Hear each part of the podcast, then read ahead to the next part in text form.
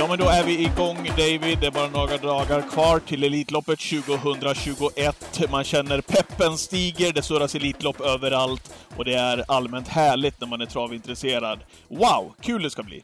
Mm.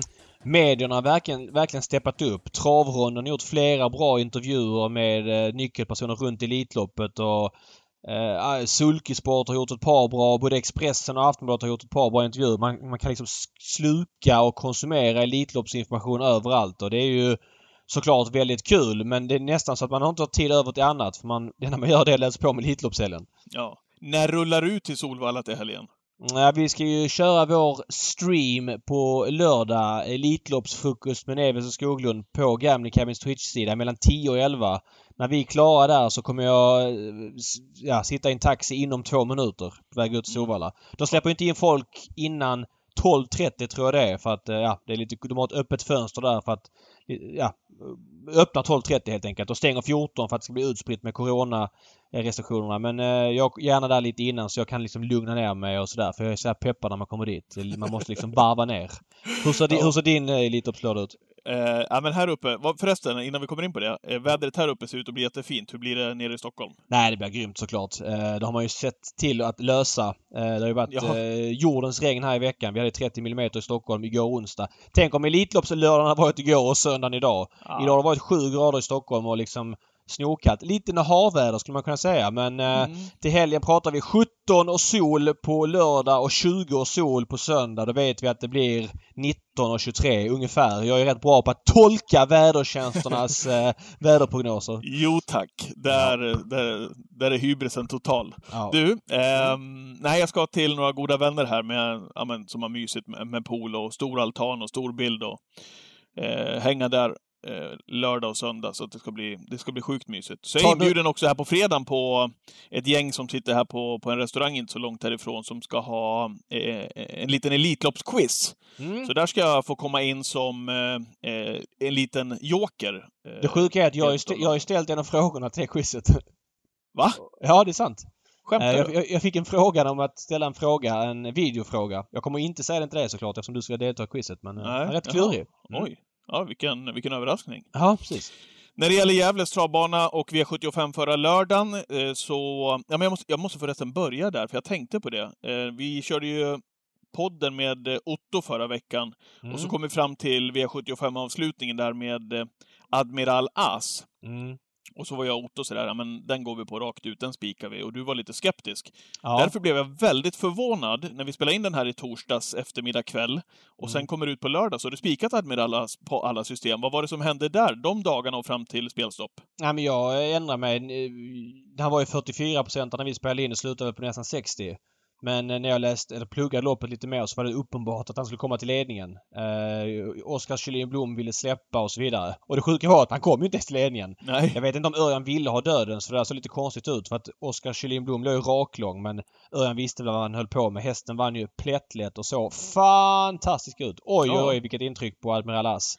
Fick vi inte det lite grann på känn efter vi hade pratat med Reo Liljendal här i podden? Jo, så var det och flera intervjuer på honom i, i, i TV här sista tiden. Han varit nöjd med Admiral As. Och eh, nej, vi kan nog räkna med att han, eh, ja dels dyker han väl upp i bronsfinalen Uh, det, det bara det juni, är sjukt. Slutet på det är sjukt. Ja, fast vi får se. Det är ju lätt. Det är en sak att ha form i början av en sån här cykel. Reo tränar ganska hårt och sådär. Det är lätt för dem att gå ut och få så han kan nog inte ha form... Ja, men ska han ha hög form hela vägen bort till jubileumspokalen? Ja, det är rimligt. Vi får se hur Reo matchar. Det blir ett delikat problem men det här är ju en häst för de största loppen. Det är ju liksom inget snack om saken. Nej, verkligen. I, I övrigt så var det ju domarna som var i fokus eh, förra Igen. lördagen. Ja, faktiskt. Mm. Eh, och i V75 Direkt så intervjuar man också riksdomaren där, Johan Jernström. Eh, det gäller ju framförallt två situationer då. Dels den som eh, Kim Oberg blev diskvalificerad för eh, i ett av loppen och en, ett lopp där man inte eh, diskvalificerade Ulf Eriksson med Mosjur. Eh, mm. Hur ser du på de här situationerna? Ska vi börja där med Kim, Kim Moberg då, som, som blev diskad? Ja, jag tycker att det är väldigt hård diskning. Eh, man ser att Kim Moberg eh, glider ut lite grann ett halvt spår och en lite halvspårskörning där. Men man ser också att det är luft till Magnus Djuses häst. Eh, och det finns ju ingen... Titon Sweet Lindy som kom. Ja, det finns ju ingen kontakt mellan de två som gör att uh, Djuse häst galopperar. Sen kan man ju då vrida och vända på det. Ja, gör Kim Moberg att Djuse måste ta lite i högertömmen, att hon tappar travet för hon kommer längre och närmare doseringen. Det vet man ju inte men för mig finns det ingen eh, koppling mellan eh, galoppen. Jag kan inte säga det till 100%. Däremot så måste ju de som diskar vara säkra på att hon inte får luckan ändå och inte vinner loppet. Och det tror jag inte de kan. För att eh, skulle hon komma ut bakom så finns det en chans att hon hinner fram för de stannar där framme. Så jag tycker det är en tuff diskning av Kim Oberg där. Med och som dessutom kostade med facit där 100 i alla fall 100 lax eh, på min egna V75 eftersom jag satte den och hade satt den med, med den också. Så det var ju tufft. Men det är ju sånt man är van vid som travspelare. Det är ju ja. ge och ta. Det är en del av gamet. Men... Så är det. Ja. Eh, det var ju Sante Griff som Kim Moberg körde där. Vi hörde också, det var väl Per Skoglund som var programledare för V75 direkt den dagen som förklarade att vi visar alltid bilderna när vi har domarfilmerna. Och det fick man ju eh, också se de här domarfilmerna, det är ju jättebra. Men är det de filmerna som alltså domarna går på, och det är det ju såklart, för det finns ju inga andra bilder, då fattar inte jag hur man kan hänga Kim Moberg eh, i det där loppet. Nej, ifrån deras kamera heller. Det är helt obegripligt. Och... Så ser man ju också tycker jag att, eh, eller du måste i alla fall vara så tvärsäker att du verkligen ser att hon eh, skickar ut Titon Sweet Lindy. Titon Sweet Lindy som också, enligt mig då, ligger lite grann i ett halvspår där bakom och redan börjar tappa travet. Travade förresten lika som, man, som Titon Sweet Lindy gjorde i inledningen av loppet. Då hoppade hon ju. Eh, jag hörde där på, av riksdomaren också att man tyckte inte att, att den hade börjat tappa travet, men det tyckte jag. Och vi fick ju förresten också en intervju med Magnus A. Djuse, mycket eh, vaket, som sa att nej men hon är inte nära mig, det var ingen fara. Mm, och då blir ju, tyck... diskningen blir ju, den blir ja, fast, otroligt tuff. Fast vad kuskarna säger tycker jag man ska ta med en nypa salt. För att eh, det, det, är precis som att de har en pakt där de har gått ihop att uh, utåt så, så skyddar vi varandra liksom. Alltid hellre fria än fälla. Det är nästan alltid min uppfattning att de säger det. Ja, Plus men inte kan... alltid. Nej, inte alltid. Men det kan också finnas lite dolda allianser. Men du vet, säg att eh, Erik Adolfsson kör mot Svante Båth eller vad som helst eller eh, ja, då kan han liksom tycka att det är en washout. Alltså kuskarnas kommentarer ska inte spela någon roll utan det ska ju vara domarna som dömer. Problemet är ju att det finns ju jättemånga domare i Sverige som hade friat här. Och återigen, det är det vi landar i. Det är olika bedömningar på olika banor. Vi måste få ett centralt domarteam som dömer på V75. Eh, vi skulle haft det för länge sedan. Eh, jag vet inte om det finns en sån plan. Jag har inte hört någonting men det måste liksom ske snarast. För de här ojämna bedömningarna kan vi inte ha när det omsätter 100 miljoner varje lördag. Vad är det som gör att man inte får till det här war room? Liksom att man har en, man, att man kanske inte ens behöver åka ut på banorna? Nej, jag, jag vet, vet, inte, inte faktiskt varför man inte får det. Det är klart att det kostar pengar men jag menar man, man alla de här coronamiljonerna som eh, travet tjänade i form av höjd omsättning 2020. Ja, man har ju en fet skuld att betala av sen tidigare för man har ju betalat ut prispengar i flera år i det så kallade pokalåret som man var tvungen att kompensera ihop så att den skulden måste man betala av men det borde finnas några kronor över Eh, till att bygga ett sånt här war room. Allt kan inte gå till prispengar utan vi måste liksom ha ordentliga grejer så att travet utvecklas som sport och man tar det mer seriöst. Olika domarnivåer kan göra att folk drar sig ur travet och kanske slutar spela och blir less och det är inte bra. Nej, och jag, hade kunnat sitta här hemma liksom i, i, i lugn och ro och tyckt att ja, men det, var ju, det är inte så lätt att ta de där besluten. Det ska ju fattas ett beslut trots allt.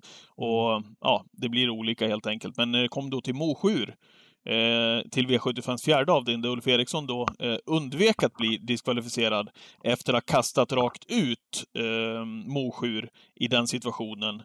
Jag har, jag har, hade du friat båda, fine. Men att du friade eh, Eriksson och inte Moberg, den har jag jättesvårt att se. För där hoppar ju också Björli Fanner framför, vilket gör också att eh, Uffe Eriksson får lite panik, det blir lite bråttom, vilket gör också att han tar i högertummen per omgående. Eh, och gör att den här situationen uppkommer. Mm. Jag håller med. Jag tycker att man ska fria den också för att känslan är att Ulf Eriksson har luckan när han går ut där. Eh, det är min absoluta uppfattning och, och hästen bakom kommer med väldigt hög hastighet.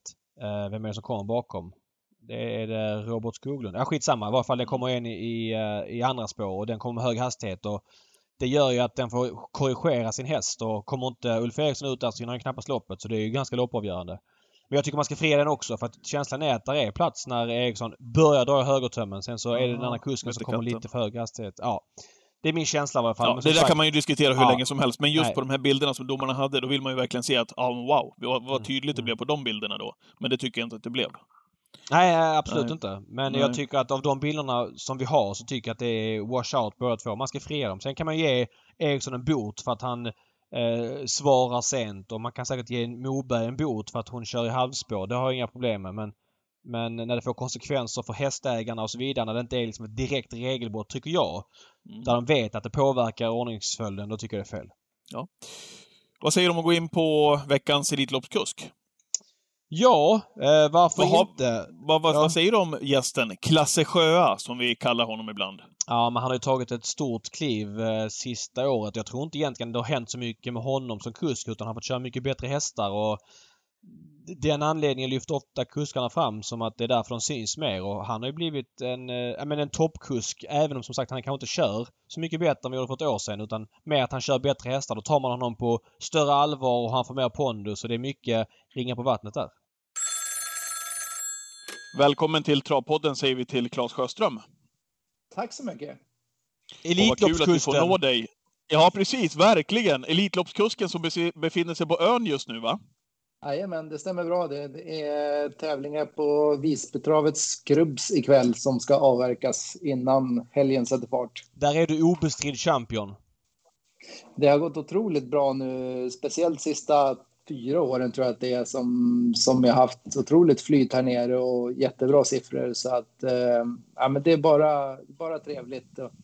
Eh, innan dess så har jag ju varit här nere sedan 2003, tror jag var första sommaren jag var nere här. Eh, och så lite olika från, från olika till och från olika år hur, hur mycket jag har varit nere. Varför eh, satsar du så pass mycket på Skrubbs? I varje fall gentemot många andra fastlandstränare av din storlek. Ja, det har nog bara blivit så. Alltså man satsar kanske på en sommarbana lite mer än några andra. Det är ju roligare att åka till samma bana jämt än att åka till olika varje gång. Om man säger ja, men, eh, Lindesberg, eh, Visby, eh, sådana banor liksom. Mm. Som bara kör på sommaren. Så att då har det blivit Visby och jag tycker Visby som stad är helt underbar att vara i på sommaren när det inte är pandemi. Så att det har väl också varit en anledning till att man trivs väldigt bra här. Men hur funkar det Claes nu för tiden att, eh, att åka med hästarna över till, till Gotland? Jag hade ju en häst som skulle starta när jag var hästägare en gång, så fick jag ju följa med lite grann där innan då, när man skulle ja, men, fixa och trixa med, med pålastning och så vidare. Och, ja, vad, hur, hur, hur funkar det? Ja, alltså när man har åkt några gånger då tycker jag att det, det går väldigt smidigt. Och sen så har jag ju stor hjälp av min pappa i det här fallet av att transportera hästarna. För han tycker också att det är väldigt roligt att vara på Visby, så han åker gärna en halv dag före om han får chansen. Då kan jag skicka ner honom på, på förmiddagen, kanske dagen före eller någonting med hästarna och, och en skötare och så kan de åka med fyra hästar. Så kan jag ta flyget från Arlanda eller Bromma och så är man nere på en timme istället. Ja. Så att det är väl en anledning också att jag har egna starthästar här nere. Men annars när jag åker ner och kör bara, då är det nästan så att det går snabbare för, för mig att åka till Arlanda, flyga ner till Visby än vad det, vad det tar att sitta i bilen till Romme eller någonting. Mm. Men okej, okay, så att utan din pappa i organisationen så har det varit lite bökigare?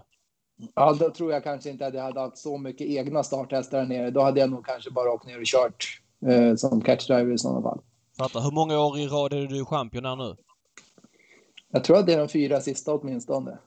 Okay. Ja. Vad, vad, vad, säger gotlänningarna när du kommer ner och hämtar deras deg? För du måste ju ha hämtat en, en, en, en ansenlig del av deras totala prispengar som de har på ett år. Ja, men jag har ju kört in ganska mycket med, med Gotlandstränade hästar också. Okay. Så att eh, det är ju faktiskt eh, jag kör ju mycket mer Gotlandstränade än egna. Har jag egna med så kanske jag har två eller fyra med per tävlingsdag. Eh, just av, eh, av transporttekniska skäl, liksom att det, det, kostar ju lite att åka om man åker med ojämnt antal och sådana där saker.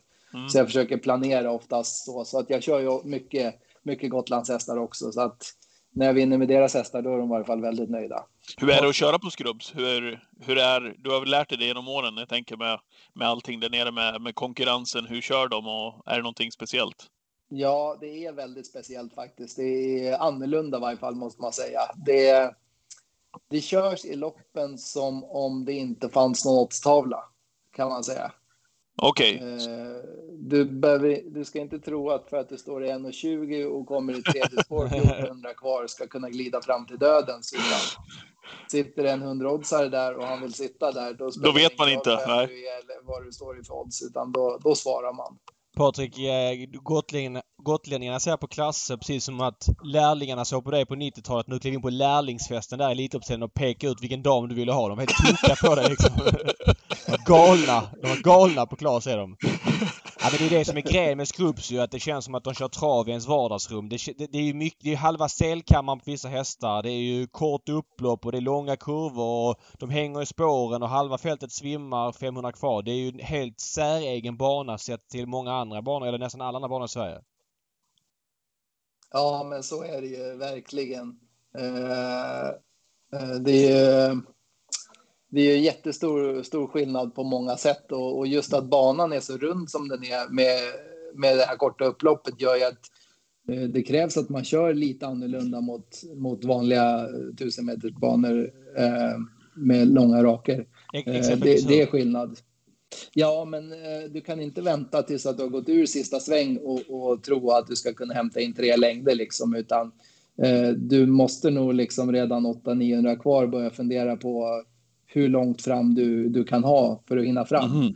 Och sen är det ju också så att det är, det är ganska ojämna fält så att eh, det gäller ju att inte hamna i klunga två så att säga. Det är ofta det blir två klungor i loppen så eh, 700 eh, kvar, då är det fyra, fem stycken som är 20 meter före de andra åtta. Så sitter du då i tredje in i rygg på en som leder andra klungan, då kan du ju sitta jäkligt pyrt på det för att kunna hinna fram. Ja, klunga två är det bästa hört. Klunga två. Ja, det, det, det, är underbart när du kör loppet i badkar när vi sitter och pratar V75 David. Vart tror du den här kan hamna? Ja, men med lite flyt i andra ytter. Här måste du tänka på andra ytter i andra eller tredje klungan. Det är det som är frågan. Ja, det är grymt. Men alltså, jag ska vara allvarlig här och säga, alltså Förr var ju så här Sprintermästaren den roligaste travresan och det är fortfarande trevligt men numera för mig överlägset Gotlandslöpningen i mitten på juli. Fantastisk travdag. Eh, ja men det är Gotland, det är så jävla nice där. Och jag tycker det är lite synd att inte gotlänningarna får en lite, lite större dag. Vad känner du runt Skrubb så att de inte har en V75-dag och sådär? Vad känner du runt det? Ja, men jag tror att det är som för alla andra småbanor att uh, de skulle nog leva upp otroligt om de kunde få en, en V75-dag. Eh, på en sån här bana. Och, eh, jag tycker ofta när man kommer ut på, på småbanor och just på sommaren att det blir en otrolig uppslutning från, från bybor och, från liksom allmänheten runt omkring. Eh, när det blir lite större tävlingar och om det kommer lite kändare tränare och lite kändare kuskar som inte brukar vara på banan så då, då brukar det bli liksom en, en happening. Förstår du att man inte har V75 på skrubb så är det, vi ska säga det att skulle det vara så att det är dåligt väder på sjön och båtarna inte går då blir det ju omgången inställd och det skulle kosta väldigt mycket för ja, travsporten i sig. Har du förståelse för det eller propagerar du för att man ska få en ordinarie V75 då? Alltså, i, under sommarhalvåret så har jag aldrig varit med om att båtarna blivit inställda i varje fall. Och jag har ändå varit här i 20, 18 år eller någonting. Ah, okay. jag fattar. Så att det tycker jag kanske är ett konstigt argument i sådana fall. Men ja, det är klart att det finns andra eh, teknikaliteter som kan göra det lite svårare här. Men alltså kan de köra typ på banor som Solänget eller andra mindre banor V75 där, där underlaget kanske inte är som bäst. Mm. Eh, så har de ju ett perfekt underlag här varje gång. Så, så bankroppen i sig är nog, den är nog absolut på övre halvan i Sverige av eh, travbanor i varje fall. Okej. Okay. Mm. Nej, jag säger det. Ni som har möjlighet och, ja, nu kanske det är begränsat med publik i år. Vi får se vad restriktionerna säger den 14 juli då Gotlandslöpningen är. Men åk till Skrubb så det är en fantastisk travdag. Jag tänkte att vi skulle prata lite om din verksamhet. 49 hästar på träningslistan. Är det ett antal som du är nöjd med? Det där pendlar lite upp och ner. Jag har legat mellan 50 och upp till 65 kanske nu sista eh, fyra, fem åren. Och man får anpassa sig lite efter dagen, hur, hur mycket personal man har och vilken, hur bra personal man har och hur bra hästar man har och hur bra hästägare man har och om man får in fler hästar och eh, också lite hur mycket man vill jobba. Eh, det finns, ja. ja vi hade Reo Liljendahl här i, i eh, podden för några veckor sedan och han sa ju att travets största problem är ju bristen på personal, bra personal. Eh, då frågade jag honom om ni tränare kan ha ett ansvar i det också för att inte skötarna vill jobba hos er. Vad säger du om den frågan? Ja, men det har väl varit eh, ett problem som kanske har blivit mer aktuellt sista åren här tycker jag.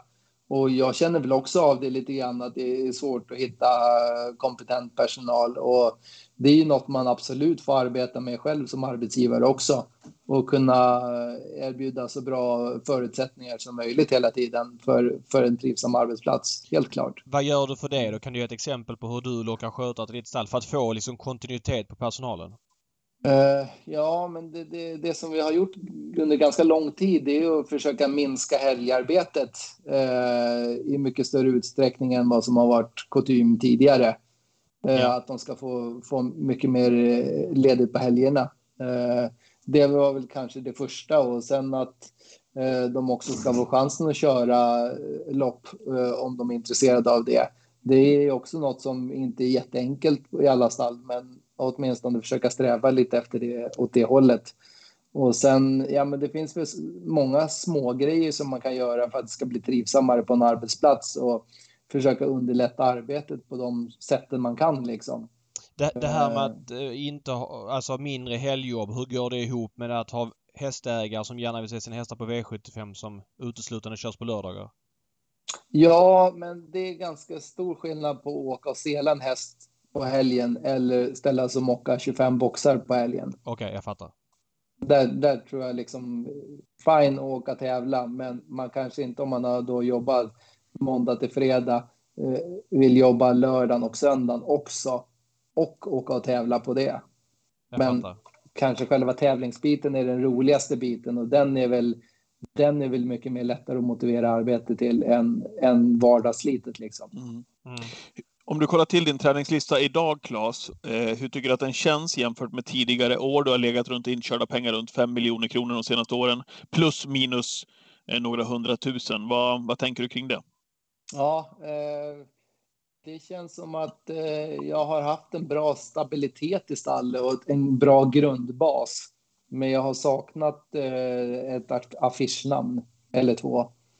Eh, och det är väl det man jobbar för att försöka hitta hela tiden. Jag tycker verksamheten i sig fungerar väldigt bra och eh, som sagt var stabil rörelse och har haft nu eh, ungefär 15 unghästar om året sista tre åren, sista fyra kanske.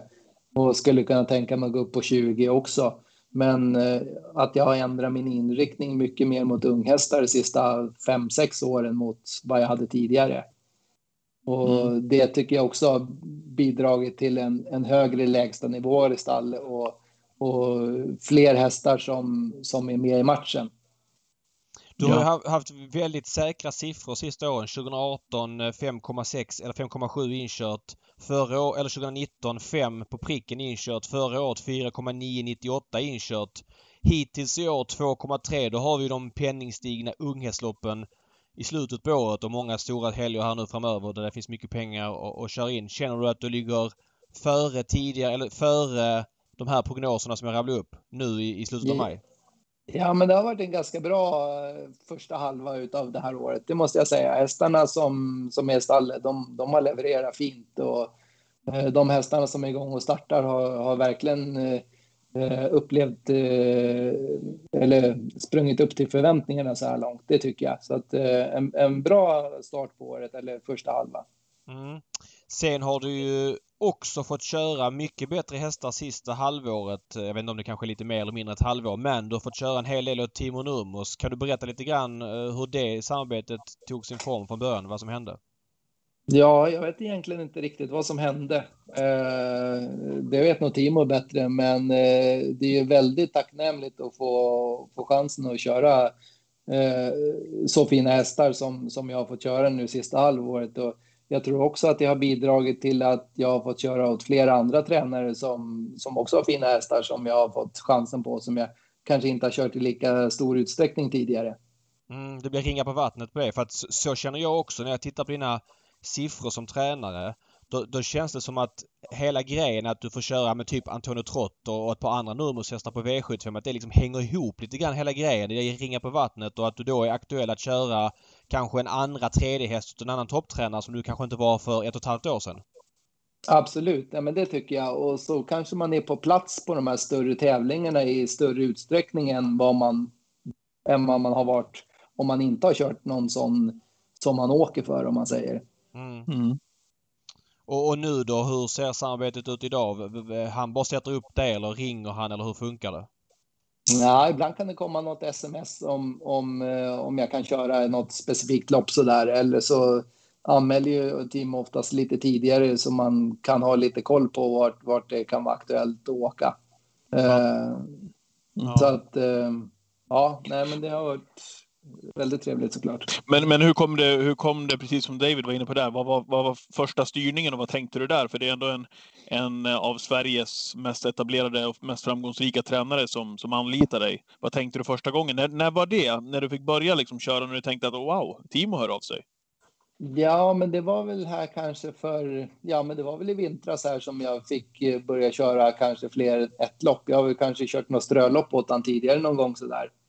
Eh, Men då var det att det var ett och så var det flera efterföljande och sen så rullade det på lite grann och så har det blivit, blivit ännu fler så att ja, nej, men man, jag vet inte, jag, jag brukar inte tänka så mycket överhuvudtaget. Jag brukar bara ta situationen som den kommer och, och är sånt här eh, angeläget ärende så är det ju in, inte så mycket att fundera på utan då är det bara att eh, se an uppgiften och, och eh, bli inspirerad.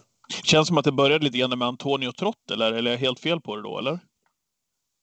Ja, men det var väl kanske en av de första och Didi Star och Global Undecided Just det. eh, som var som var liksom starten. Ja. Mm. Du, hur gick det till när han frågade dig om Elitloppshästen Seismic Wave? Ja, hur gick det till egentligen? Eh, Du fick ett jag, mess. jag vart ju Ja. uppsatt då om jag kunde köra eh, förra starten då eh, innan anmälningarna och det, det var ju klart att jag kunde göra det och eh, när han anmälde till det loppet då så har han väl varit ganska positiv om Elitloppet med den här hästen redan tidigare så då då förstod jag ju lite grann vart det barkade för att Örjan har ju kört den tidigare och Björn och de har ju andra uppgifter. Mm. Så då kunde man väl kanske lägga ihop ett och ett att om det gick bra och allting funkade och man skötte sig i vagnen och hästen var fin så, så skulle det kunna gå åt det här hållet. Ja, för du är född 76 och du har sett några Elitlopp. Det stod lite rubriker då. Hur var det? Var ditt första Elitlopp 87 eller 86? 86 var första. Ja, för det var någon rubrik. Ehm, Jutta Bulwark 87. Sen bytte de så någon annanstans 86, Rex Rodney. Men Mm, Rex Rodney var första eh, som jag, som jag var på plats och, och gick och höll pappa handen på platserna där och det var otroligt mycket norrmän på plats då. Eh, Så att det var en, en otrolig stämning det året kommer jag ihåg. Kanske mer än, än flera andra år i varje fall. Hur känns det då 35 år senare att få chansen att köra det här loppet? Ja, men det är ju någonting man har man haft som dröm och, och arbetat för eller siktat mot. Även om man inte haft de hästarna och det materialet så är det ändå eh, det har ju ändå varit såna här helger man jobbar om att eh, ha starthästar på i varje fall. Mm. Ja. Hur, hur tycker du att han kände senast, Seismic Wave, i, i genrepet då till Elitloppet? Han var ju eh, tvåa, han vann ju dessförinnan. Då var det väl inte du som körde, var väl Björn på, på Örebro på V75 där, men han var tvåa senast bakom Heavy Sound. Vad var din feeling då? Ja, men jag tror inte att man kan eh, önska ett bättre genrep än, än det loppet han gjorde. Eh, det var nog lite över mina förväntningar till och med. Okej. Hur var han i värmningen? Och jag var jättenöjd med honom. Han var eh, laddad och spänstig och ja, det var bra feeling eh, redan där. Ja, man kan väl säga det David ändå, och du har säkert också följt honom Claes, att inför Örebro-starten som han gjorde där för Björn, så efter värmningen där så var det väl inte så många som kanske tänkte att, att han skulle vara en Elitloppshäst i slutet på maj. För det, var såg, det såg märkligt ut. Kan han vara speciell? Eh, jag vet inte hur speciell han kan vara så där när jag bara kört han en gång, men, men eh, jag vet ju att han kom ju ur en ganska tung vinterträning. Okej. Okay. eh, säkerligen så har han väl eh, lättat upp lite från tung vinterträning till, till lite, lite annan träning nu när han kommer igång och börjar starta. Och det är klart, är de lite stela och lite eh, sega i musklerna så behöver de få igång dem innan, innan det liksom börjar lira 100 procent. Så att, Mm. Men, eh, ja, jag, jag vet inte, men det var en tanke jag hade varje fall. Ja, bra Men- point. men känslan där också det är att, tycker jag, det är att Nurmos, många Nurmos-hästar ofta värmer sämre. Inte för att de är ofräscha utan snarare för att de kanske ibland värmer med skor, värmer med fel vagn och sådana grejer. Och jag tycker det finns många exempel på Nurmos-hästar, typ Seismic Wave då när Björn körde på, eh, på Örebro. Värmde dåligt men man är från stallet inte alls oroliga. Andreas Lövdahl då var ju inte alls orolig och hästen presterar väldigt bra i loppet. Jag tycker det känns som att det finns många sådana exempel. Ja, men om man säger för 20 år sedan, då kom väl nästan alla hästar ut med svansen rakt ut och de var pigga och glada och hade gått i hagen fyra dagar innan start.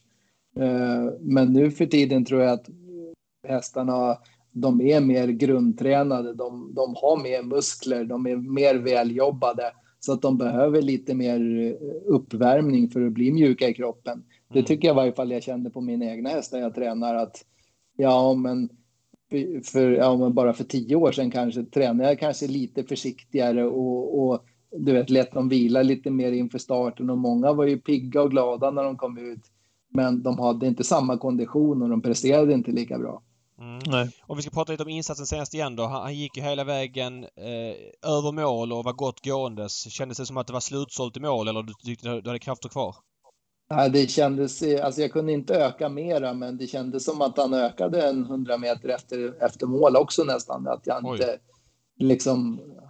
Ja, vi ville att han skulle ha maxfart över, över mållinjen om man säger. Det var, det var Timo tydlig med innan att det viktigaste är inte att vinna det här loppet, men jag vill gärna att han går med full fart över mål.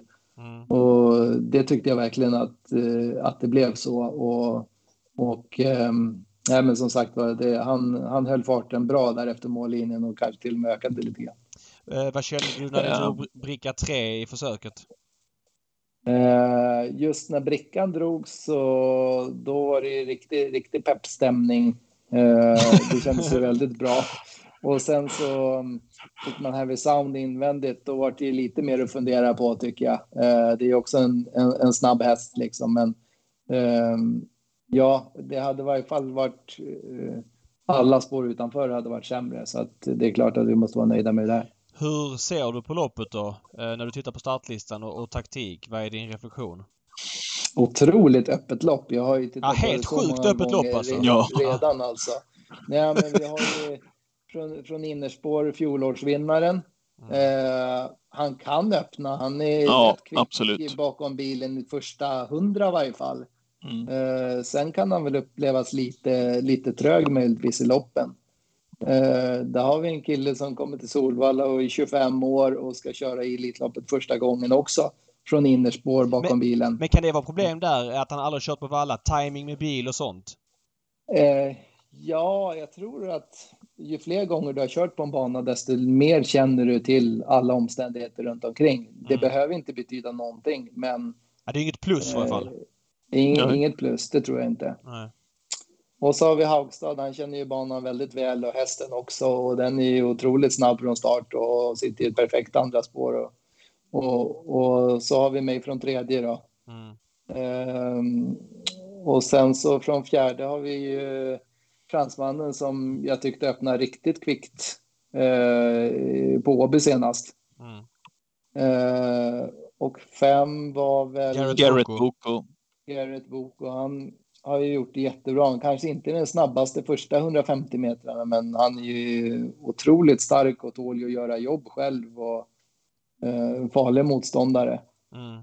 Och sen har vi Ecuride som, ja, han har väl varit förhandsfavorit till att vinna hela Elitloppet till för en månad sedan. Ja. Eh, jag menar, han spetsade fyraåringseliten från spår 8 förra året hur enkelt som helst. Mm.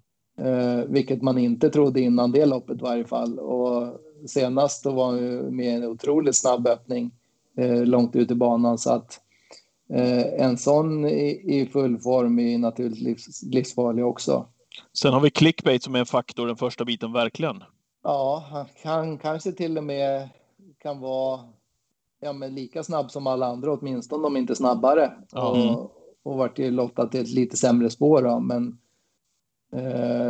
absolut en faktor att räkna med. Och sen har vi Erik så, som inte har den snabbaste hästen från start, men den är inte dålig från start för det. Alltså hade den haft innerspår så hade den kanske kunnat varit med och kört om, om ledningen eventuellt också.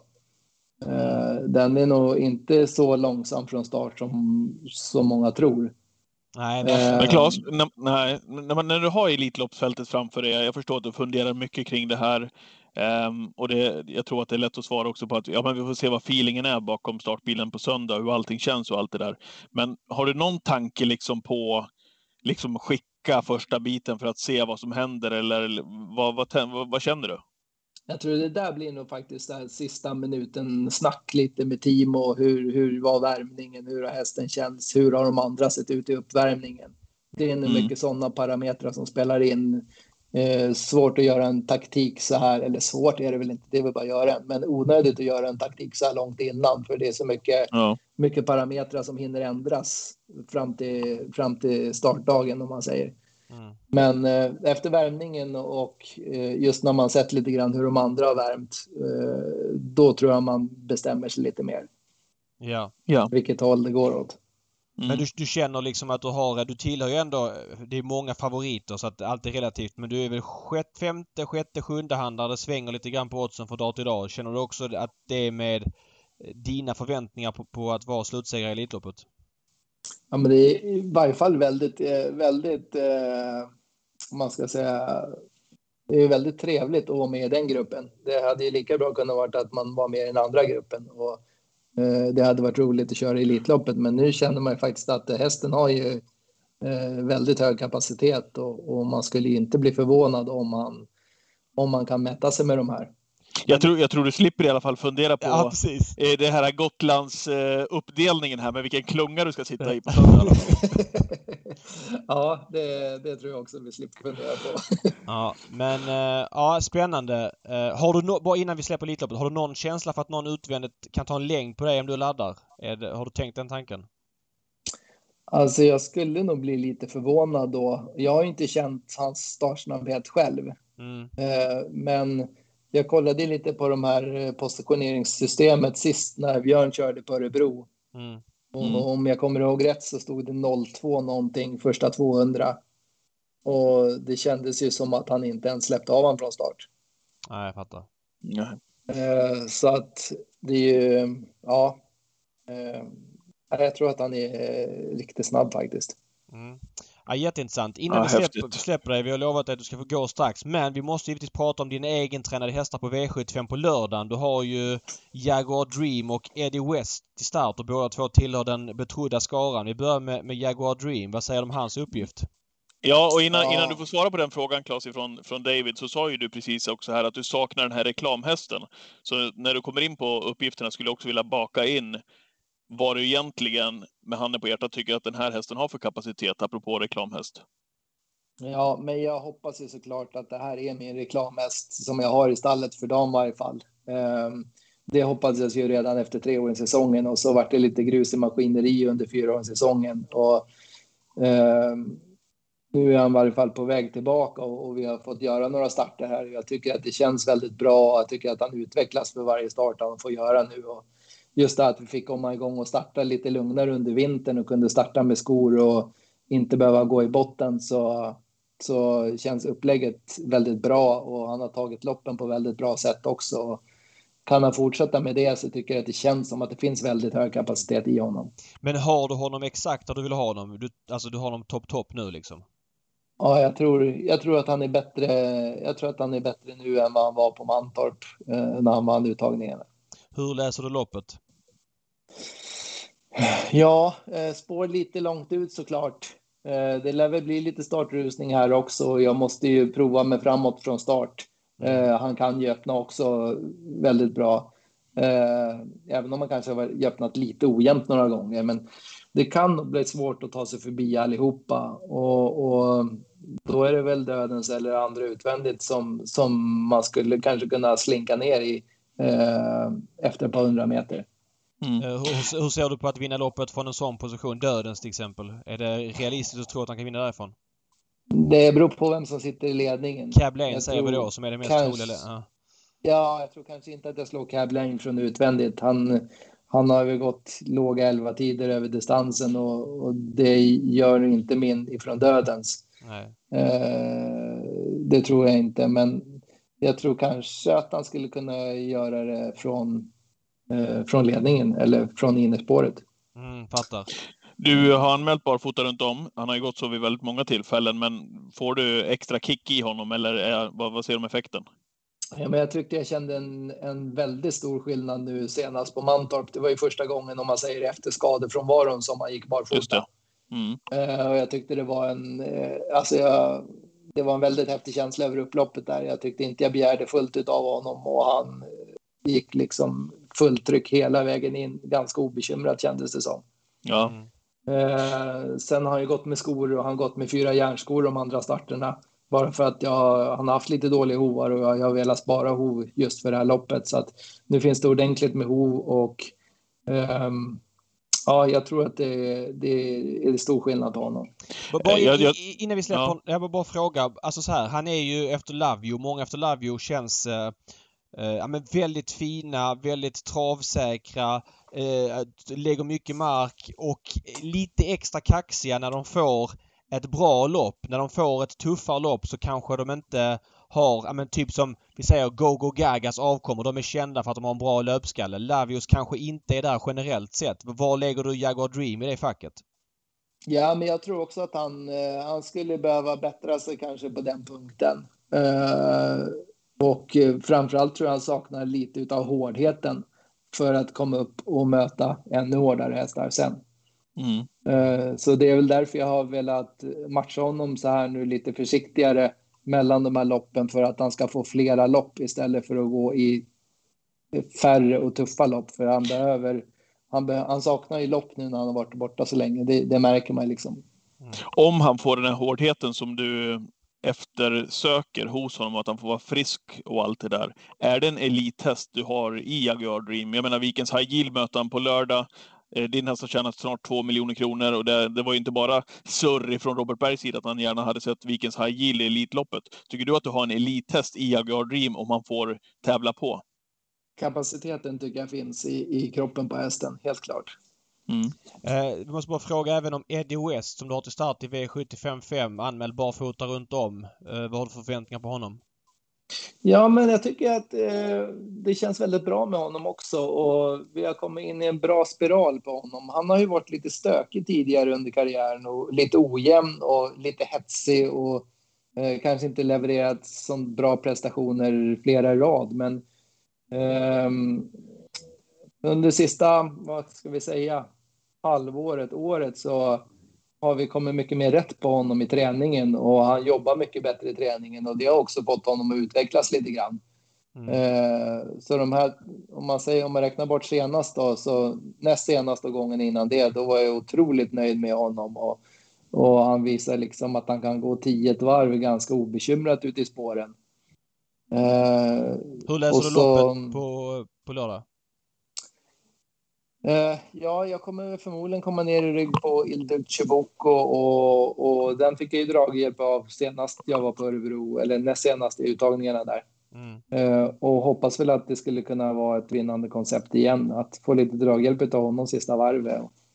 Och då får vi se om det har varit tillräckligt högt tempo och om vi hamnar tillräckligt långt fram för att, för att räcka hela vägen. Barfota runt om igen, det är väl hans bästa balans gissar jag? Ja, alltså han gick ju det näst senast för, för andra gången. Ja, precis. Bara så att han har ju, han har haft så mycket andra problem med sina hjärnspöken så vi har inte börjat koncentrera oss på balansen först nu sista tiden. Mm. Uh, men däremot så funkade det väldigt bra och, och, jag tycker kanske inte att det var så stor skillnad på honom som på Jaguar Dream. Men på de flesta hästarna är det ju några procent i varje fall. Eh, vilken av de här två har du bäst känsla för på lördag? Uh, Ja, alltså det, det, är lite som säger den ena så, så blir det den andra. Jag tror liksom att löpningsavgörandena är mer avgörande än hästarnas kapacitet till förhållande för motståndet. Fattar. Mm. Ja, men jättebra. Ja, men vad härligt. Du, jag, jag, har en fråga till här David, innan vi släpper Claes, innan han ska fokusera här på, på Visby skrubbstävlingar här. Jag är ju, i och med att jag har reffat i så många år, eh, jag är ju tycker det är så intressant med dressarna. Du har ju gjort det känt som schackrutekusk i Sverige. Axel Jakobsen hade ju motsvarigheten med sin svartvita där i Danmark och du har haft din rödvita så länge jag kan komma ihåg i alla fall. Eh, hur mår du i den nya dressen? Man känner ju inte igen dig längre, det är helt Nej, omöjligt. Verkligen. Nej, det, det är lite annorlunda såklart, men jag har ju bott in mig väldigt bra i den. Det, det börjar ju med seger första loppet med Eddie Westner på Örebro. Eh, och sen Vad skönt det, att det inte jäklas liksom i den. ja, det är ju verkligen det. Sen har det bara rullat på jättebra efter det såklart. Så att eh, det känns jättebra. Och det är ju även ägarna till eh, Seismic Wave som är sponsorer till nya adressen. Okej, okay, okay. Så att där har vi eh, en liten koppling på det också. Ah. eh, och det är jättetrevliga, jättetrevliga killar som, som jag har lärt känna nu sista månaderna här bara. Så att eh, det är jag tacksam för. Men var det därför de ville sponsra dig för att du började köra Seismic? Finns det någon koppling där eller? Eh, ja, det är egentligen är det Timo som är hjärnan bakom det och, och har lirat ihop det här och de hade väl diskuterat kuskval sinsemellan och Sen när, när, när det föll så att jag skulle köra hästar några gånger så då, då var det Timo egentligen som, som sydde ihop det här paketet. Okej. Okay. Ja. Ja. Men svinbra Ja, det ser man. Ja, mm. eh, lycka till idag men framförallt lycka till i helgen och på söndag då i din första Elitloppsstart och ja, så håller vi connection som vi brukar säga. Det behövs. Tack Toppen. så mycket. Bra. Sköt tack, tack, tack för att du var med. Ha det bra. Tack för att jag fick vara med. Tack. Tack. Hej.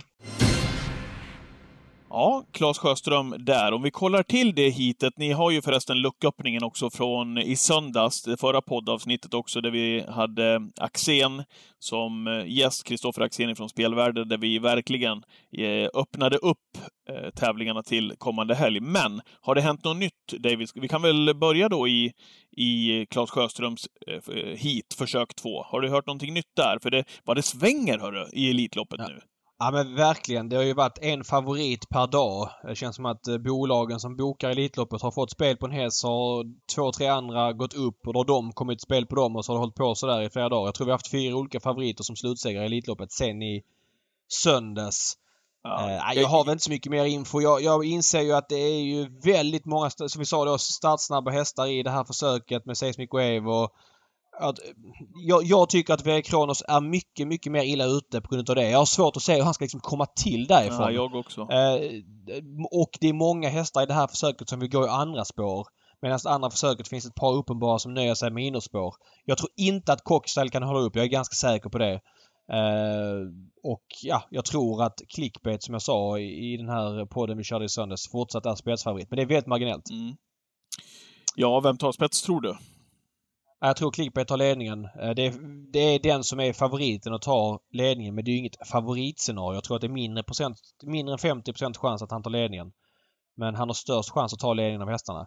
Sen tror jag att Haugstad är nöjd med ryggen på Klas. Tar han längd på Cockstyle och tror att han kan nöja sig med ryggen på Seismic Wave. För han vet att Seismic Wave kör i ledningen. Om han kan. Mm. Då är det ju eh, ryggledaren för Heavy Sound. Så att jag tror inte att Haugstad har råd att bråka med någon i spetskörning utan han får nog bara lägga sig till sargen. Och sen ska vi komma ihåg att Garrett Boko är lite snabbare än vad folk verkar tro. Uh, ljus... Det känns som att han har tagit ytterligare kliv på alla plan i regi Jerry Riordan och även startsnabbheten. Tror inte jag att Mats Ljuse skickar sådär Nej. jättemycket för han vet att det är startsnabba invändet. Men alla här kan öppna och det är problem för Verre Kronos. Vi går till det första hitet då. Hur, hur tänker du kring det här loppet och hur det blir kört? Vad, vad har vuxit fram? Ja men här var det ju, var vi inne på att, eh, jag var inne tidigt på att Örjan kommer bra på det här för att... Eh, Med Don Fanucci från bricka 8 ja. Precis. 4, 5, 6 är ganska långsamma. Hiko de Poo har jag fått ta till mig är lite snabbare än vad jag först trodde. Men... Men är väl ingen från... faktor ändå? Nej, han kan ju såklart uppta ett spår och vara i vägen. Men eh, han vill ju ner till sargen, utgå ifrån så fort som möjligt i det andra, i för, andra försöket så är det många som vill ligga i andra spår och, och sådär. Så att jag, jag, tror att det kommer lösa sig helt okej okay för Don Fanucci sätt. Det bygger ju såklart på att Million Dollar Rhyme tar en längd på Vivi Device Ass, vilket jag tror han gör. Jag har kollat Vivi Device Ass startsnabbhet och känslan är att han inte laddas för fullt riktigt men jag har svårt att säga att han ska hålla upp med tanke på att Million Dollar Rhyme är så snabb första 50. Ja. Och Fredde kommer köra och det finns lite... Eh, ja men det finns risk att han kan tappa travet där eh, vid hård körning vid Vivaisar. Sen vet inte jag Alessandro Gocciadoro hur startsnabb han är som kusk. Historiskt är min känsla att han inte riktigt laddar fullt ut i så många lopp. Eh, det är ingen... Eh, han är inte lika snabb som Björn Goop var förra året. Nu hoppar han ju förra året men Eh, känslan kvarstår att Dollar Rhyme tar ledningen, Cyberlane laddar så att Örjan kan komma ner antingen eh, framför eller bakom där och kanske få andra spår. Mm. Eh, den stora snackisen för mig här det är att det är väldigt många som tror på Moni Viking många i min bekantskapskrets som tror på honom. Okay. ha, är det någonting har, som... Av sig. Har, har det påverkat dig också? För du har ju inte trott någonting på Moni Viking. Nej, jag har inte gjort det. Alltså någonting, alltid relativt. Men jag tyckte han var kall som favorit när vi spelade in förra podden. Nu är han väl tredje, fjärde handare. Jag tycker väl att han kanske ska vara där femte, sjätte. Eh, Moni Viking. Jag kollar på Saint Michel loppet eh, från förra året i, i um, Mikkeli. Där har han ju spår en bit ut. Springer väl liksom som halvsladdar hela loppet. Kommer mål på 9,4 och är ändå totalt chanslös på att ta längder på Next Direction sista 400. Mm. Uh, jag har respekt för dem jag har pratat med och det kan vara någonting jag missat här. Men um, och det är klart att Björn drar i högertömmen så fort det bedarrar för, för att försöka få en lugn dödens. Ja. Men eh, nej, jag är skeptisk ändå måste jag säga att, att han... Det kommer bli tredje spår någonstans och frågan är hur länge och han kan springa fort efter att ha sprungit fort länge men jag kan inte säga att han springer fortare än ja, men typ Don Fanucci eller eh, Aetos Kronos eller Vivi Vaisas sista fem. Nej. Så att eh, jag, jag ska inte dissa honom helt, det gör jag inte men jag har... Jag har folk lyckas inte sälja in den till mig även om jag har respekt för det jag hör. Nej. Du, vet du vad jag tänkte? Jag tänkte att vi skulle vi ska dra en liten lärdom ifrån förra veckan, eller förra veckan, förra årets Elitloppspodd. Det var ju mm. nämligen eh, det nionde avsnittet i Travpoddens korta eh, då, historia, den 29 maj eh, 2020, mm. eh, som vi eh, pratade upp det här. Och då sa du så här, gällande Elitloppet här, jag vill spela upp det här bara för att jag vill klämma det på en vinnare till slut och ditt resonemang.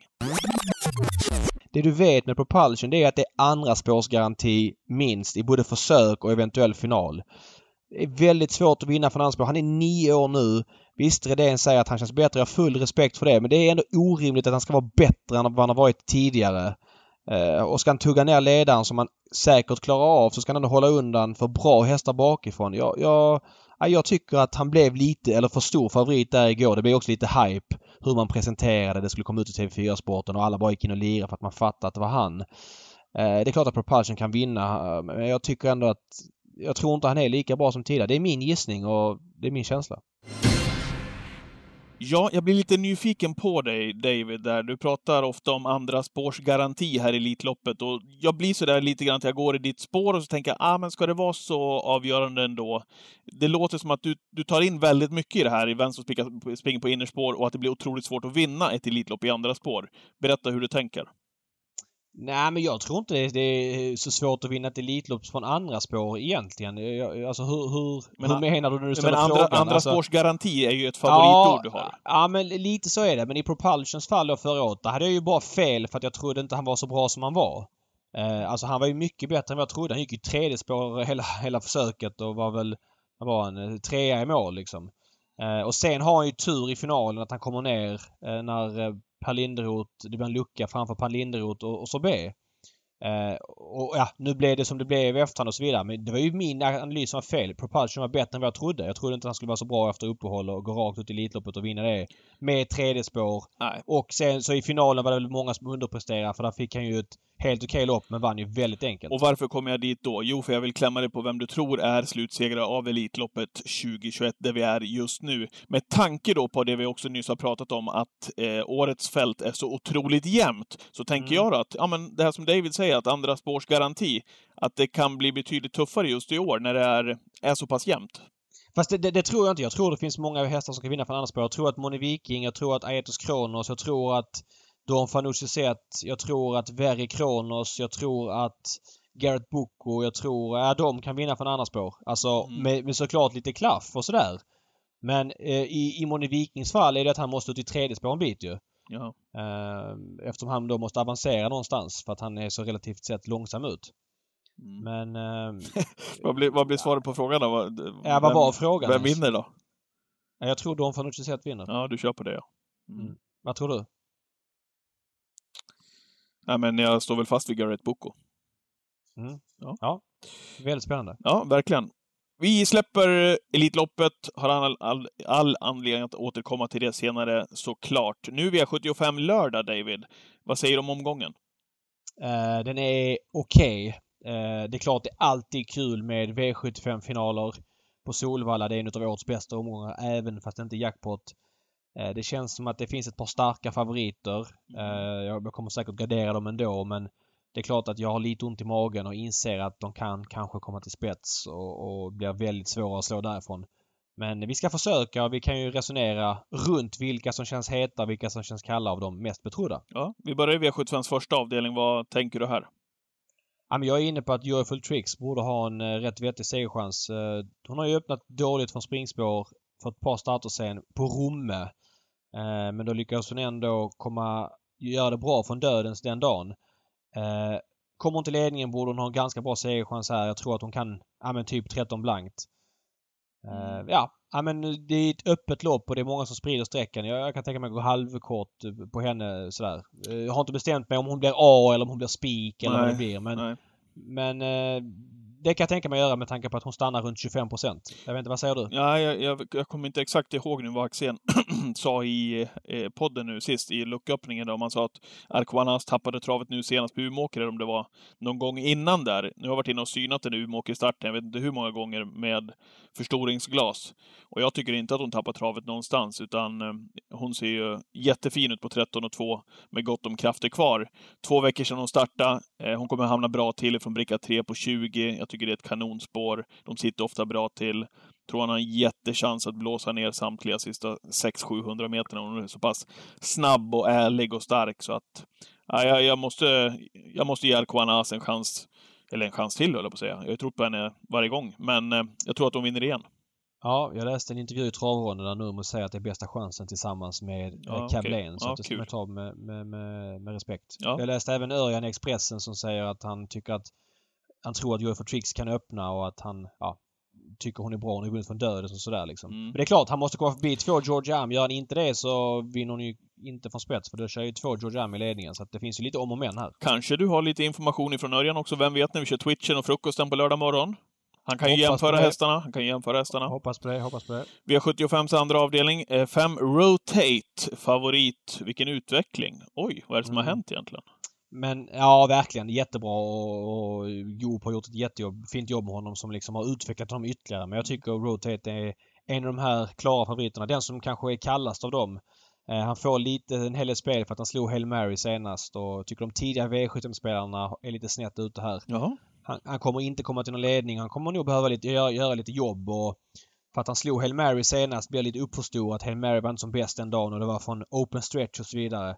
Jag tror jag har en bra vinnare här som jag nog tror att jag spikar. Det är Deal, Deal Dansett. Ja. Jag tror att han har en bra chans att leda runt om. Han är startsnabb, han är väldigt löpärlig, har fem av sex från ledningen. Uh, ja, läste då Örjan Expressen som tyckte att det var en bra segerchans. Uh, ja men vettigt. Han gav den fyra getingar av fem. Inte för att det säger så mycket men han lät... Det, det han skrev var liksom som att han, han trodde på hästen. Ja. Jag har svårt att säga att någon ska ta en längd på de här och... Ja. Uh, det finns ett par intressanta förändringar på 11 och 12 förlåt, 10 och 11. Mm. Eh, Mandela Zon och Power Blaster om man garderar. De kan nog göra bättre lopp än de gjort hittills men när han är under 20 Dildan sett så kan det vara en tänkbar spik. Apropå förändringar, jag tror du skulle säga Nio Alpago VF då, som, ska, som i alla fall är anmäld barfota runt om. Vi får väl se hur mm. det blir framöver här också. Det var ju som Axén sa, han har ju gått Chadora har anmält många barfota runt om här i inledningen. Får vi se om man följer upp det också, att det blir balansen när det är dags för start. Men eh, barfota runt om på Alpago VF som ändå, tycker jag, står skapligt bra in i den här klassen ändå. Till, sett till kapaciteten, den, den tycker jag är tidig. Där tog du 20 sekunder på den helt i onödan. Vi vet att du kommer gå på Gucciador-hästarna varje lopp. Så, okay. liksom inget... så, så varje gång jag tror det, då är jag tyst? då är du tyst bara, säger ingenting. V75 3, favorit 4 Kev Lane. Ja, det här är väl en bra favorit sett att han ska vara favorit. Men 64% känns väldigt magstarkt måste jag säga. Jag klockar lite avslutningar han har gjort på slutet och Näst senast på Romme, det såg ut som att han flög fram. Då var det 11-8 sista 800. Eh, och senast var han ju bra från dödens liksom och jag inser att han har en vettig chans att komma till ledningen och väl där blir det tufft att plocka ner honom. Men måste nog ändå gardera till 64% Han stannar ju i spets i kriteriet. Han stannar i spets på Axevalla förra sommaren. Ja, det är en helt annan häst nu förmodligen. Och jag gillar när Nurmos hästar kommer från eh, litet uppehåll. Jag har feeling att han kommer göra ett bra lopp. Tyvärr. Men som sagt, det är spel det handlar om. Eh, det kan bli utdragen körning. Det kan hända oväntade saker. Så jag måste prova att gardera. Örjan lär väl prova med Vikens High Yield i alla fall?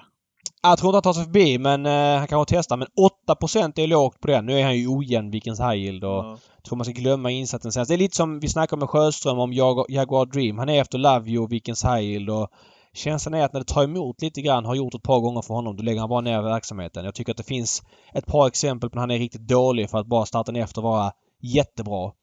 Eh, kanske lite bekväm eh, att i åren, ja nu är han sju bara, men, men lite den känslan. Kapaciteten är där. Den dagen han får liksom sitt lopp så är han hur bra som helst. Men tar det emot så kanske han inte fightas till sista blodsdroppen. Eh, 8% är lågt hur som helst. Ja. Vad säger du här? Eh... För här finns det ingen Gocciadoro så kan du inte vara tyst. Nej, det är, det är ju det är spel vi håller på med som du sa, men som han har varit ja. Cab Lane också. Jag, jag gick ju på honom här när han vann näst senast, när han hade bakspår.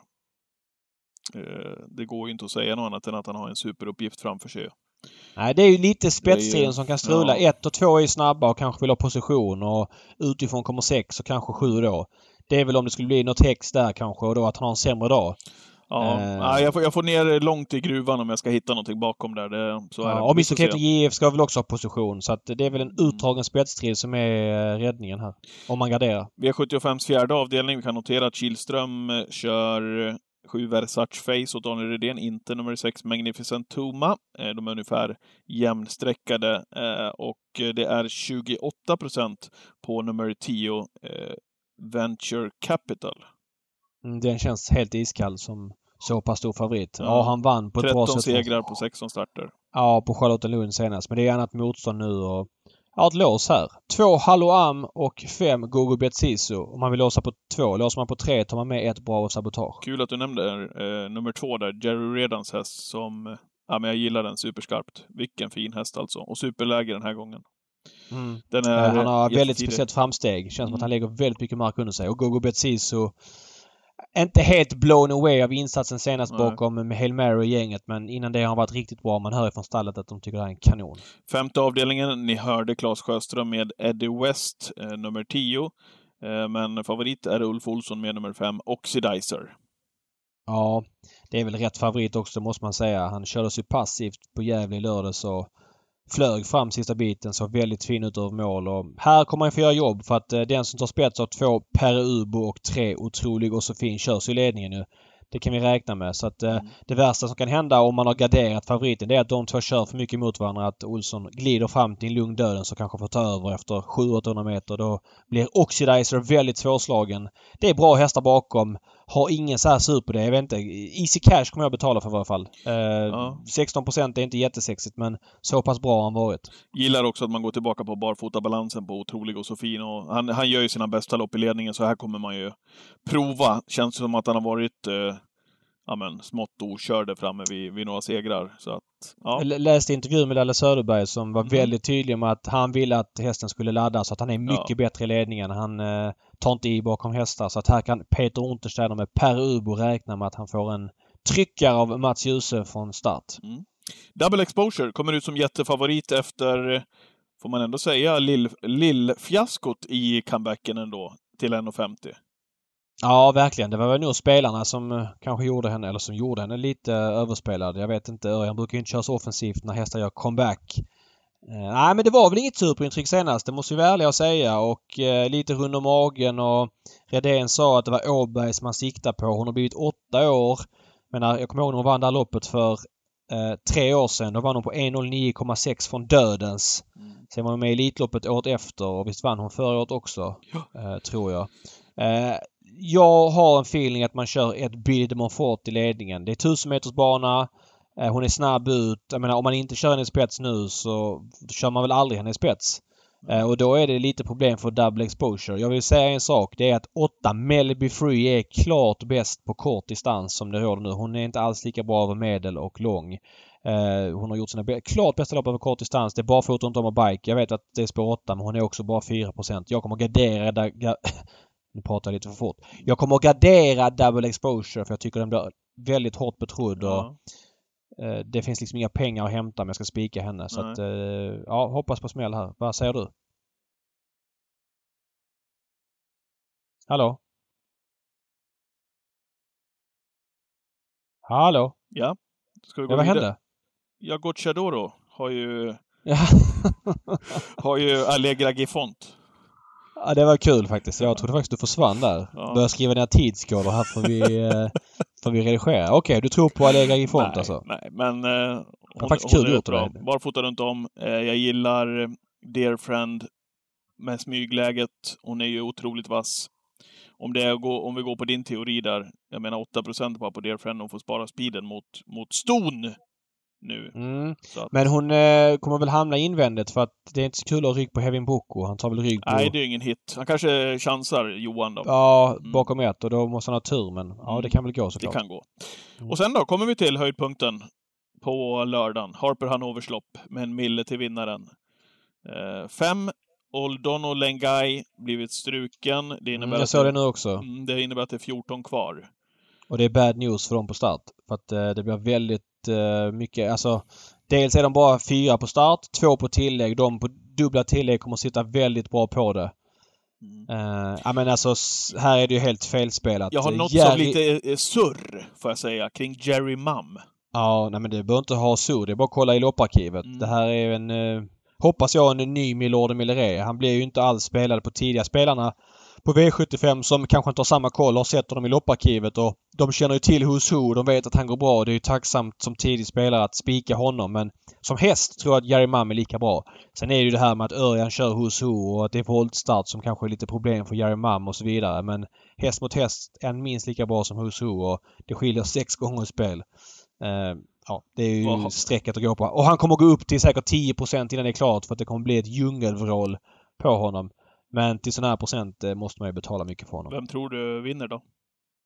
Nej men jag eh, tror alltså, ja vem... Det är klart att Who's Who kanske har bäst segerchans och du vet att de kusk som kommer köra Eller om jag säger så här då, du tror att det blir tufft för dem på start? Ja, jag tror det blir tufft för dem på start. Jag, jag tror att Boston Wise L är helt chanslös från spår 2. Jag tror att den som nybliven fyraåring eh, inte har de tiderna i kroppen som krävs och jag läste att man ville köra i spets med den. Jag tror att det är bättre för dem att släppa till Maes- Maestro Crow som får dra på i hårt tempo Ja. så får man lyfta Kom, med kommer du ihåg att jag frågade den eh, för massvis av avsnitt sen om du tror att Maestro Coke kan vara en sån vinnare utav Elitloppet? Så sa nej, tror inte att han har snabbheten faktiskt att vinna i år, sa du. Nej, Harp, nej, Harpers. Nej, men det Harpers, tror jag förlåt. Jag tror, förlåt. Harper såklart. Nej, nej men det, det är min känsla att jag, att jag inte tror. Men det är barfota runt om för första gången. Alltså han kan nog springa låga eller höga 12 i spets. Det, det tror jag finns i boken liksom. Mm. Så att eh, då blir han svår att nå. Men som sagt, tittar de här Jerry Mum eller Who's Who och andra ut och, och kan sitta och spara lite grann och, och bränna en sån 500 meters rökare. Då är han inte så snabb, eh, Maestro Crow. Han kan också springa och skifta lite grann och då har han ju inte råd med om man ska slå de här hästarna. Vet du, det gick Så upp ett ljus för mig nu. Ja, berätta. Att Who's Who borde vara 45 procent. Nej, det borde han absolut inte vara. Du, du får spela, du, du ska han stå liksom i eh, lite över två gånger mot de här hästarna. Ja, jag tror att han har Nej, superchans här, Niva. Ja, ja, han kanske vinner och han kanske ska vara favorit men inte så mycket mer spelad än Jerry Mum. Sen har vi Vitruvio som kan allt vissa dagar med springspår. Var kan han hamna om Mika Fors träffar bra liksom? Han kan ju sitta i kloss på, på starthästarna ganska snabbt. Eh, så att, eh, nej, väldigt roligt och spekulativt spellopp. Harper Hanovers lopp 2021. Mm. Är du kvar nu eller vad händer? Ja, ja, jag håller med på Gocciadoro där. tror jag att också att man kan ha med den faktiskt. Om man, om man Ja. Men du, fan vad kul det här ska bli. Ja, nu eh, vad är det man gör inför en Elitloppshelg? Man eh, pussar sina barn och så åker man till Solvalla i, med eh, härliga förväntningar. Alltså det blir skitkul. Det blir kul att vara på plats, Ja. träffa många människor man bara träffar på travet liksom. Nu blir det ju inte som vanligt. Dels baren är stängd och Toto-luckorna är stängda för alltid och Mm. lite sådana grejer. Men det blir ändå väldigt härligt att vara på plats. Höra Anders Fredrikssons stämma. Värdet efter två avdelningar 3222. TT222. Ja men du vet alltså de grejerna han kör och ja. platserna 1.54, 3.92, 9.52. Segertiden 1.16,9. Eh, Sådana grejer som man, och doften av Solvalla, kongressens heltäckningsmatta och bara för att vara i de lokalerna när det är travlopp och Elitloppshelg. Ja, jag, jag ryser bara jag tänker på det. Jag blir otroligt glad och ser så otroligt mycket fram emot det. Alltså man har ju så här, man har gnällt en del här inför på årets startfält och så vidare. Men Elitloppet som upplägget är med två hit och final. Ja, Visst, vi har inte de bästa hästarna men det blir lik förbannat här några få dagar innan. Väldigt spekulativt och väldigt mm. roligt och spännande så att... Um... Gör man så här då? Hissar man och dissar när det är Elitloppsvecka, David? Ja, men vi kör en hiss och diss också. okay